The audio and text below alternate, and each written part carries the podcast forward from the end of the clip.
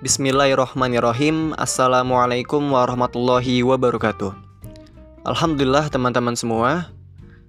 Kita sudah sampai di episode yang ke-12 dalam podcast Rizal Start Di series Fikih Produk Bisnis Insya Allah pada episode yang ke-12 ini Kita sama-sama bakal belajar bareng nih Terkait bagaimana tinjauan fikihnya Tentang suku korporasi Dan bagaimana yang ada di Indonesia gitu namun sebelum kita meninjau fikihnya seperti apa gitu, kita sama-sama harus lebih tahu dulu nih penjelasan detailnya, penjelasan secara generalnya, secara umumnya itu seperti apa. Sehingga ketika kita menggambarkan maksudnya lebih kita ditinjau dari segi fikih, kita dapat gambarannya gitu loh.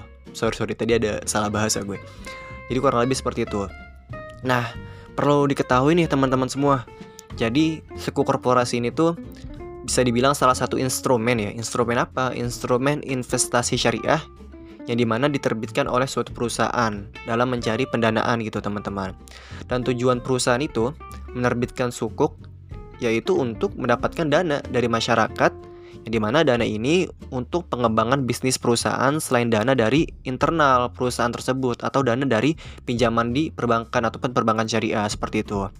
Sedangkan Tujuan masyarakat membeli sukuk ini yaitu ya sebagai sarana untuk berinvestasi karena setiap penerbitan sukuk tersebut pasti disertai nih dengan pemberian fee, fee maksudnya upah gitu kan, pemberian ujro ataupun bagi hasil seperti itu.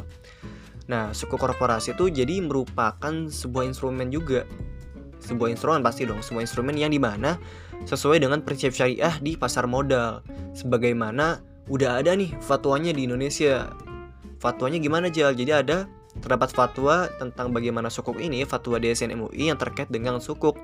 Antara lain fatwa nomor 32 DSN MUI tahun 2002 tentang obligasi syariah dan fatwa nomor 41 DSN MUI tahun 2004 tentang obligasi syariah ijaro dan fatwa nomor 59 tahun 2007 tentang obligasi syariah mudorobah konversi seperti itu. Itu adalah sudah ada fatwa-fatwanya terkait bagaimana obligasi syariah dan sukuk ini gitu.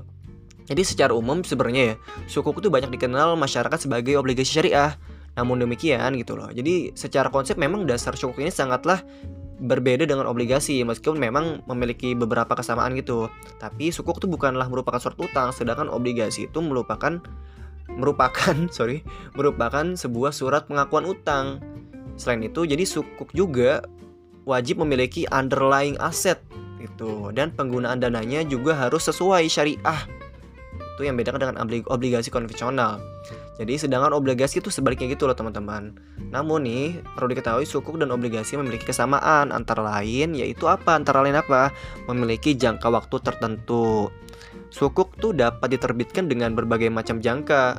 Dalam maksudnya jangka ini jangka apa? Jangka waktu pastinya. Misalnya jangka waktunya berapa? Pendek bisa 3 tahun yang pendeknya terus yang menengahnya 5 sampai 7 tahun ataupun yang panjangnya itu lebih dari 10 tahun tergantung kebutuhan masyarakat masyarakat jadinya tergantung kebutuhan perusahaan gitu loh. Dan setiap sukuk itu wajib memiliki beberapa karakteristik gitu untuk dikatakan sesuai syariah. Nah, untuk dikatakan sesuai syariah, sukuk ini harus gimana nih? Yang pertama, sukuk itu bukan merupakan surat utang, tetapi surat kepemilikan atau suatu underlying asset. Yang kedua, wajib memiliki underlying asset atau akad yang ketiga, wajib memiliki tim ahli syariah untuk menjaga aspek kesyariahannya, pasti dong. Dan yang keempat, penggunaan dana sukuk ini wajib untuk kegiatan usaha yang di mana sesuai dengan persiap syariah, udah jelas banget. Dan di sisi lain teman-teman perlu diketahui juga bahwa tingkatan imbalan sukuk ini bisa bersifat tetap ataupun tidak. Dan semuanya ini tergantung bagaimana jenis akad yang digunakan dalam sukuk tersebut gitu. Nah pada dasarnya jadi semua jenis akad ini akad syariah pastinya bisa tuh bisa digunain dalam penerbitan suku korporasi baik ijaroh, mudoroba, musyaroka, wakala itu akad-akad ya jadi akad ijaroh, akad mudoroba, akad musyaroka, akad wakala, akad salam dan lain-lainnya gitu. Namun dalam praktek di Indonesia penerbitan suku korporasi paling banyak menggunakan akad ijaroh bisa dibilang juga akad sewa menyewa dan mudoroba gitu. Akad mudoroba apa? Akad bagi hasil. Nah, sampai saat ini Ya sedikitnya tuh ada kurang lebih ya 23 perusahaan yang telah menerbitkan sukuk di Indonesia nih dengan total sukuk yang masih beredar mencapai 123 sukuk korporasi. Yang di mana nilai yang beredar itu sekitar 24,93 triliun. Banyak juga kan Dan emiten penerbit obligasi syariah tersebut itu berasal dari berbagai jenis usaha, mulai dari perusahaan telekomunikasi, perkebunan, transportasi, transportasi gitu. Terus keuangan, lembaga keuangan, properti sampai yang di mana juga ada industri wisata gitu teman-teman. Nah, saat ini perusahaan yang akan menerbitkan sukuk juga itu diberikan beberapa kelebihan. Antara lain investor sukuk ini memiliki cakupan yang lebih luas, baik investor muslim maupun non-muslim. Harus adil dong. Jadi seharusnya investor sukuk itu akan lebih besar dibandingkan dengan obligasi konvensional. Dan ada loh peraturan pemerintah nomor 11 tahun 2014 tentang pungutan oleh OJK menyebutkan bahwa pernyataan pendaftaran dalam rangka penawaran umum obligasi dikenakan 0,05% dari nilai emisi dengan nominal paling banyak 750 juta rupiah. Sedangkan pernyataan pendaftaran sukuk dikenakan biaya 0,05% dengan nominal maksimal 150 juta. Nah, jadi nominal maksimal pungutan sukuk ini tersebut sejatinya itu telah dipotong dari sebelumnya yang sama dengan obligasi konvensional. Jadi pungutan pendaftaran sukuk lebih murah dibandingkan dengan obligasi. Wah, ada banget ya perbedaannya.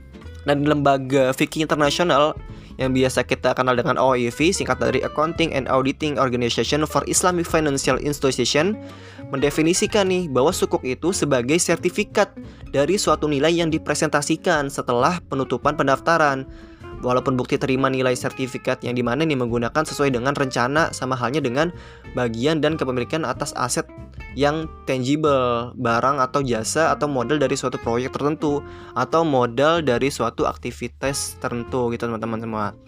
Nah, sedangkan menurut Bapepam ada lembaga keuangan nomor 9 tentang penerbitan efek syariah memberikan definisi sukuk itu sebagai berikut. Jadi ada efek syariahnya.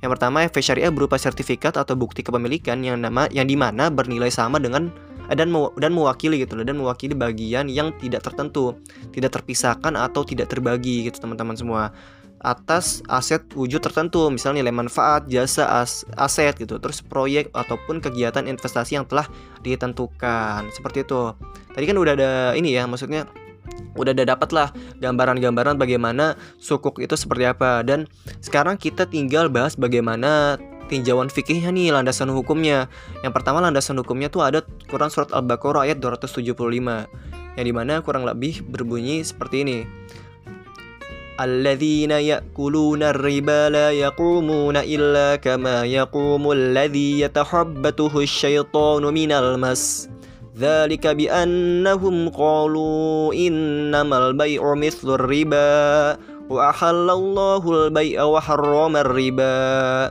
Nah, kurang lebih seperti teman-teman semua terkait bagaimana landasan firman Al-Qur'annya gitu. Terus dan hadis dan kaidah fikihnya juga ada nih sebagaimana hadis yang di mana diriwayatkan oleh Imam At-Tirmizi dari Amr bin Auf Al-Muzani yaitu Artinya, perjanjian boleh dilakukan di antara kaum muslimin kecuali perjanjian yang mengharamkan yang halal atau menghalalkan yang haram dan kaum muslimin terikat dengan syarat-syarat mereka kecuali syarat yang mengharamkan yang halal atau menghalalkan yang haram seperti itu. Kaidah fikihnya seperti apa, Jal? Kaidah fikihnya ada juga terkait bagaimana sukuk ini yang di mana al aslu fil muamalati al ibahah illa ayadul dalil alal tahrimah tahrimiha gitu. Artinya pada dasarnya semua bentuk muamalah itu dilakukan boleh kecuali ada dalil yang mengharamkannya. Jadi perlu ditekankan kembali pada prinsipnya sukuk ini mirip dengan obligasi konvensional ya kan. Dan persamaan dan perbedaannya seperti yang telah diuraikan pada penjelasan memang udah di tadi kita jelasin gitu loh. Terus prinsip pokok dalam transaksi hukuk ini berupa penekanan dalam perjanjian yang adil. Jadi anjuran atas sistem bagi hasil atau profit sharing. Dan dalam transaksi suku juga diperlukan sejumlah aset tertentu yang digunakan sebagai dasar dalam melakukan transaksi dengan menggunakan akad berdasarkan prinsip syariah gitu teman-teman. Dan ternyata dan ternyata ternyata sukuk ini punya karakteristik tersendiri gitu. Apa aja karakteristiknya? karakteristik. Nah, susah banget disebutin. Nanti kayak gitu deh. Yang pertama itu merupakan bukti kepemilikan aset berwujud atau hak manfaat benefit title gitu. Dan yang kedua, pendapatan berupa imbalan kupon, margin dan bagi hasil yang sesuai jenis akad yang digunakan. Dan yang ketiga, terbebas dari unsur riba, goroh dan maisir. Harus banget namanya syariah harus banget terhindar dari ini nih riba, goror, maisir, riba itu riba, goror itu kayak tidak jelasan, maisir kecurangan harus terhindar dari itu. Terus penerbitannya melalui special purpose Vehicle SPV tapi SPV di sini bukan supervisory tapi special purpose vehicle itulah dia gitulah bahasa Inggrisnya. Mohon maaf nih kalau misalnya ada kekurangan. Ini ejaannya F E C H I L E. Kayak gitu. Insya teman-teman yang paham bahasa Inggris lebih jago pak gimana tahu lah gimana bacanya. Dan yang berikutnya memerlukan underlying asset. Terus yang berikutnya lagi penggunaan prosesnya itu harus sesuai prinsip Islam. Gitu teman-teman semua. Terus pihak-pihak apa aja nih yang ada dan terlibat dalam penerbitan sukuk? Ada namanya obligator, yaitu pihak yang bertanggung jawab atas pembayaran pokok serta imbal hasil sukuk yang di mana diterbitkan. Terus ada tadi SPV, yaitu badan hukum yang didirikan khusus untuk menerbitkan sukuk. Terus yang ketiga ada investor, yaitu pihak pemegang sukuk yang memiliki hak kepentingan atas underlying aset melalui SPV tersebut. Dan yang keempat ada syariah advisor, yaitu sebagai pihak yang memberikan fatwa atau pernyataan kesesuaian terhadap prinsip-prinsip syariah atas sukuk yang diterbitkan.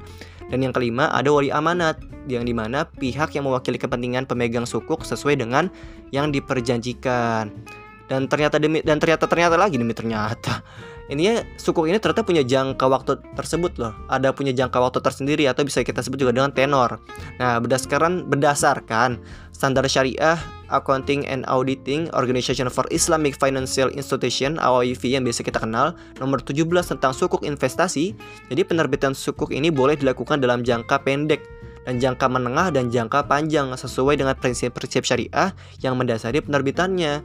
Selain itu juga dapat diterbitkan tanpa ditentukannya jangka waktu mengacu pada akad yang digunakan dalam penerbitan sukuk seperti itu teman-teman semua.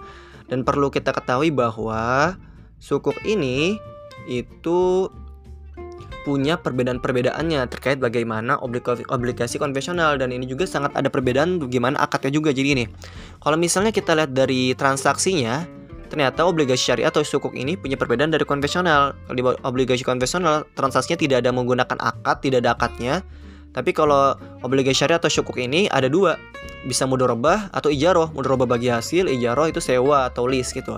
Terus kalau jenis transaksinya, kalau obligasi obligasi konvensional itu jenis transaksinya instrumen pengakuan utang. Tapi kalau sukuk, kalau misalnya sukuknya pakai ijaroh, itu adalah bisa bisa dinamain apa nih uncertaining kalau nggak salah kontrak nanti gitulah dan sen, itulah pokoknya lah ribet nih yang jenis transaksi sorry sorry nih sorry banget teman-teman bisa pelajari lagi deh terkait bagaimana perbedaan di jenis transaksinya. Cuman kalau di dari segi penerbitnya itu ada namanya penerbit pemerintah namanya korporasi. Kalau misalnya obligasi syariah dan obligasi konvensional. Jadi sorry ya gue yang bahasa Inggris rada uh, berbelit soalnya gue lupa lupa ingat gitu.